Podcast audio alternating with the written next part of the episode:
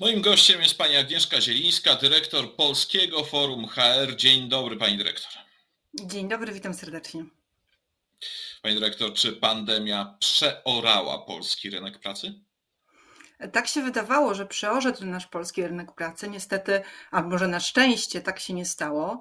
E, sytuacja na rynku pracy jest obecnie z punktu widzenia pracowników bardzo, ale to bardzo dobra. Ofert pracy mamy dużo więcej niż mieliśmy przed pandemią.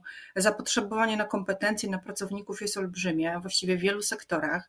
E, od produkcji poprzez usługi. Naprawdę każdy pracodawca w tym momencie prowadzi jakieś e, procesy rekrutacyjne i zgłasza zapotrzebowanie na kandydatów do pracy. Wrócił nam też ten wielki problem deficytu kompetencji na rynku.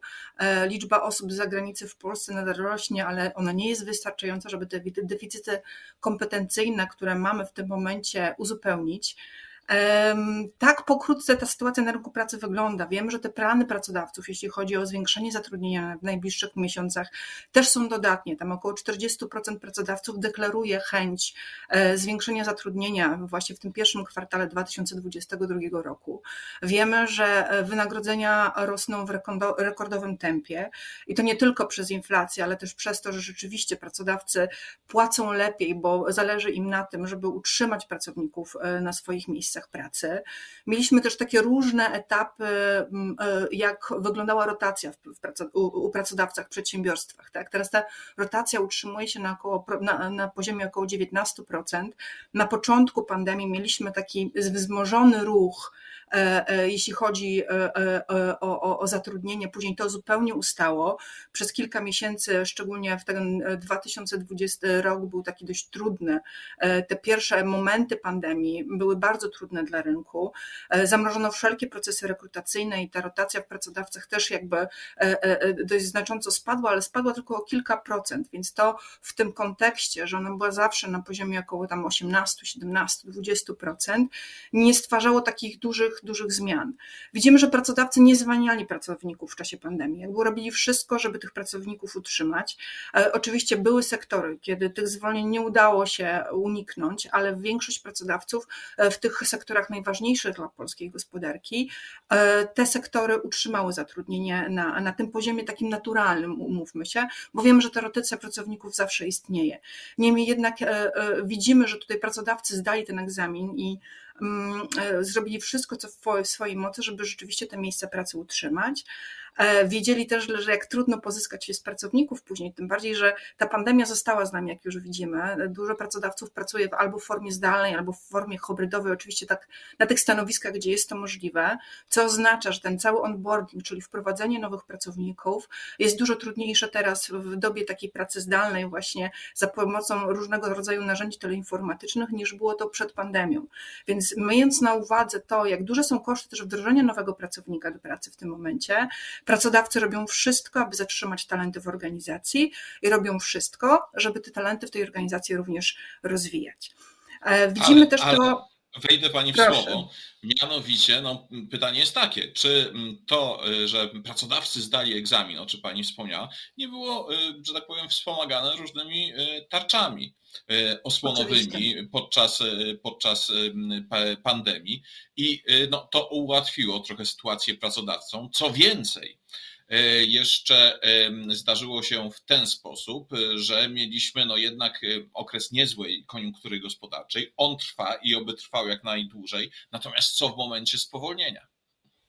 E, to się zgadza, to znaczy e, wiemy, że ten zastrzyk finansowy, który otrzymali polscy pracodawcy też przyczynił się do tego, że te miejsca pracy udało się zatrzymać i te decyzje o zwolnieniach były bardzo mocno przemyśliwane, to znaczy nie podejmowano ich w sposób pochopny, były rozwiązania, z których można było korzystać.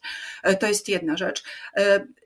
Co, do, co jeśli koniunktura się zmieni? Jasne, jakby My mamy świadomość tego, że ta koniunktura ma swoje różne etapy. Widzieliśmy też taki moment takiego przyhamowania ekonomicznego w momencie, gdy te łańcuchy dostaw e, się zamroziły. Widzieliśmy to w przemyśle motoryzacyjnym, widzieliśmy to w innych gałęziach polskiego przemysłu, gdzie rzeczywiście te przystoje miały miejsce właśnie z powodu wane tym, że nie mieliśmy po prostu półproduktów, czy chipów, czy różnych innych elementów, które były w produkcji wykorzystywane i to po prostu stanęło. Ale nawet w tych startach nie było znaczących zwolnień. To też musimy zwrócić na na to, na, na, na to uwagę. Nawet jeśli koniunktura osłabnie w jakiejś niedalekiej czy dalszej przyszłości, my musimy mieć świadomość tego, że sytuacja na rynku pracy nie zmieni się diametralnie, bo my mamy bardzo duży problem z ten demograficzny problem. My wiemy, że w ciągu najbliższych, do 2050 e, roku, to są prognozy gusowskie, ten zasób osób w wieku produkcyjnym zmniejszy nam się o 17%. To jest bardzo, bardzo dużo.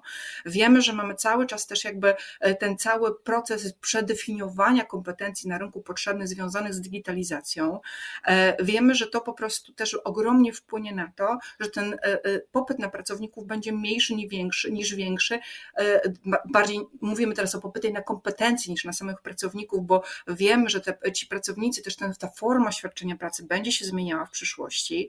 E, wiemy, że ta, ta zadaniowość tej pracy e, będzie bardziej, mm, będzie ważniejsza niż, niż taka stała praca u jednego pracodawcy, że w wielu gałęziach, w wielu specjalizacjach pracownicy będą pracowali przy wielu projektach jednocześnie. Ta forma pracy też się będzie zmieniała, będzie bardziej elastyczna, jeśli chodzi o czas, e, jakby zadaniowość tej pracy, to z iloma, z iloma klientami współpracujemy, z iloma pracodawcami współpracujemy, w jakim wymiarze czasu pracujemy, to wszystko będzie się uelastyczniało. I dlatego myślę, że my będziemy jako rynek pracy też nabierać taką zdolność szybszej adaptacji do tej zmieniającej się koniunktury. Ale ja Ale nie obawiam się jakiegoś znowu, krachu znowu... na rynku pracy. Znowu wchodzę w Pani słowo, ale chciałem dopytać o, jednej, o jedną rzecz. Wspomniała Pani o deficycie kompetencji, zwłaszcza tych kompetencji związanych z procesem cyfryzacji. Proces cyfryzacji no to takie bardzo ogólne z, z, z pojęcie. Porozmawiajmy konkretnie, jakich kompetencji y, y, brakuje na rynku, czy też osób z jakimi kompetencjami brakuje na rynku i co można z tym zrobić? E, Zobaczmy, co się wydarzyło w trakcie pandemii. Mieliśmy ogromny boom w, w sektorze e-commerce'u.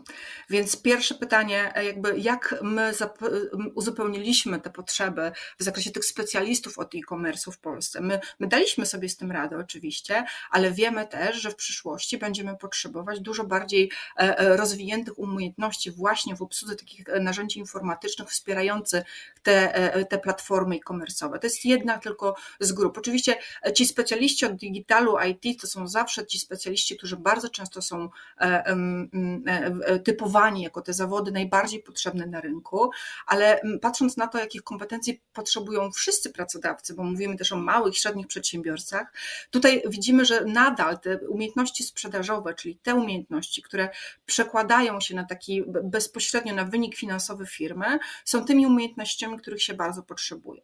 Jeśli mówimy o przemyśle, tam najczęściej poszukiwani są operatorzy maszyn. I to są e, zawody i specjalności, które są najczęściej zgładane. My wiemy też, że to, to stanowisko będzie się przedefiniowywać, to znaczy pewnie w dalszej przyszłości będzie też istniała możliwość pracy zdalnej na produkcji, obsługi tych wszystkich urządzeń z domu, e, ale e, w tym kierunku pewnie ten nasz świat zmierza. Niemniej jednak na, na ten moment my potrzebujemy bardzo dużo pracowników fizycznych zatrudnionych w różnych sektorach, głównie w przemyśle. Potrzebujemy sprzedawców, potrzebujemy umiejętności właśnie technicznych, IT, potrzebujemy umiejętności językowych, bo e, my się już przyzwyczailiśmy, że my mamy te potrzeby językowe wśród naszych kandydatów właściwie zabezpieczone, bo każdy mówi po języku angielskim. Ale znaleźć specjalistę z dobrą znajomością dwóch języków nie jest rzeczą prostą. I teraz co my możemy z tym zrobić? No oczywiście my mamy bardzo duży problem w Polsce z tym, żeby e, e, zbudować taką świadomość wśród pracowników, wśród kandydatów do pracy, brania odpowiedzialności za własną karierę. To uczenie się przez całe życie w Polsce na razie jest takim sloganem, który nie do końca występuje w praktyce. E, zaangażowanie osób pracujących w szkolenia i jakby uczestnictwo w tym, e, w tym procesie podnoszenia kwalifikacji poza formalnym procesie jest dużo niższe niż, niż w Europie. W Polsce to jest ponad 20%, podczas gdy średnia europejska to jest około 44%, więc rzeczywiście jakby duża, mniejsza grupa e, osób uczestniczy w tym procesie uczenia się i to jest pierwsza rzecz, którą należy zmienić, czyli jakby budowanie takiej świadomości, samoodpowiedzialności za własne kompetencje.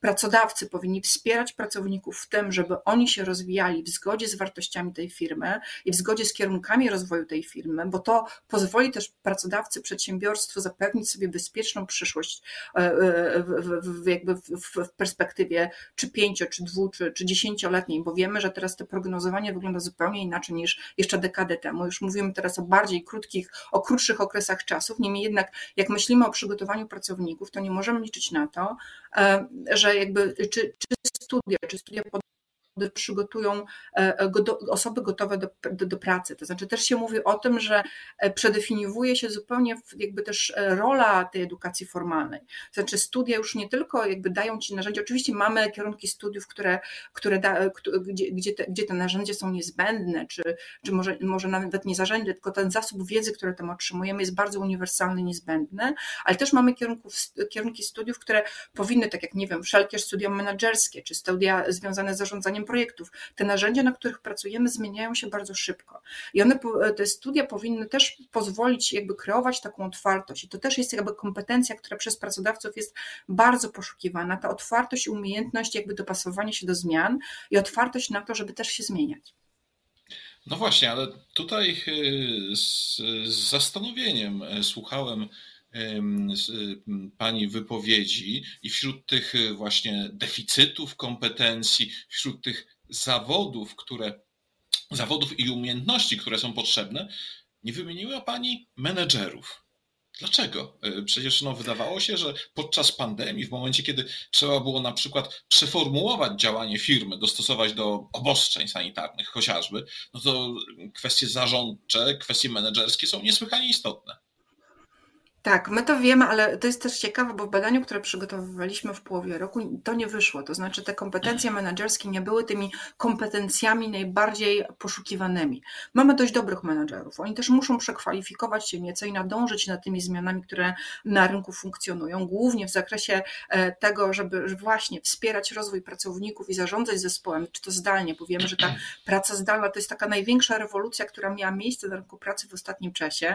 My nie byliśmy jakby przygotowani a jednak bardzo szybko weszliśmy w tą formułę i widać e, też pozytywne i też pewnie negatywne e, e, konsekwencje tego, ale zarządzanie zespołem w formule zdalnej to jest nowe doświadczenie dla wielu menedżerów. I oczywiście jakby menedżerowie muszą, tylko pamiętajmy, że menedżerowie to jest bardzo wąska grupa zawodowa, tak? Jakby jak patrząc na globalnie na rynek pracy, te stanowiska no, stanowią niewielki odsetek tych wszystkich stanowisk, które na rynku pracy mamy, więc jakby to jest jedna rzecz, ale oczywiście my potrzebujemy dobrych menedżerów, menedżerów. My potrzebujemy menedżerów, którzy też są otwarci na zmiany. Potrzebujemy menedżerów, które będą zarządzać różnorodnym środowiskiem. Mówimy o młodych pokoleniach, które wchodzą na rynek pracy, z którymi pracuje się zupełnie inaczej niż z osobami 40 czy 50-letnimi. E, to są osoby, które mają zupełnie inne potrzeby, zupełnie inne wartości i jakby połączenie i wykorzystanie tych wszystkich elementów z każdego pracownika, jakby, jakby ta, ta, ta, też ta rola menadżera się zmienia. Teraz dzisiaj mieliśmy taki ciekawy warsztat e, na konferencji e, odnośnie tego, e, jak bardzo potrzebne jest, żeby menadżer nabywał te kompetencje coacherskie. W sensie, żeby on stał się coachem dla swoich pracowników, nie tylko dla siebie, ale też dla swoich pracowników, żeby mógł ich wspierać w ich rozwoju. To jest najważniejsza rzecz, którą każdy menadżer teraz będzie, temu wyzwaniu będzie musiał sprostać, bo jakby warunki na rynku jakby powodują, że menadżer nie może być tą osobą, która mówi, co zrobić jak zrobić. Menadżer musi być osobą, która będzie wspierała rozwój pracowników i to będzie jego najważniejsze zadanie. Bardzo dziękuję za rozmowę. Niestety musimy kończyć, nasz czas się wyczerpał, chociaż o kwestiach związanych z zawodami, z zatrudnieniem, z pracownikami, no można by porozmawiać dużo dłużej. Bardzo dziękuję za rozmowę. Moim gościem była pani Agnieszka Zielińska, dyrektor Polskiego Forum HR. Dziękuję bardzo za rozmowę. Do usłyszenia, do widzenia.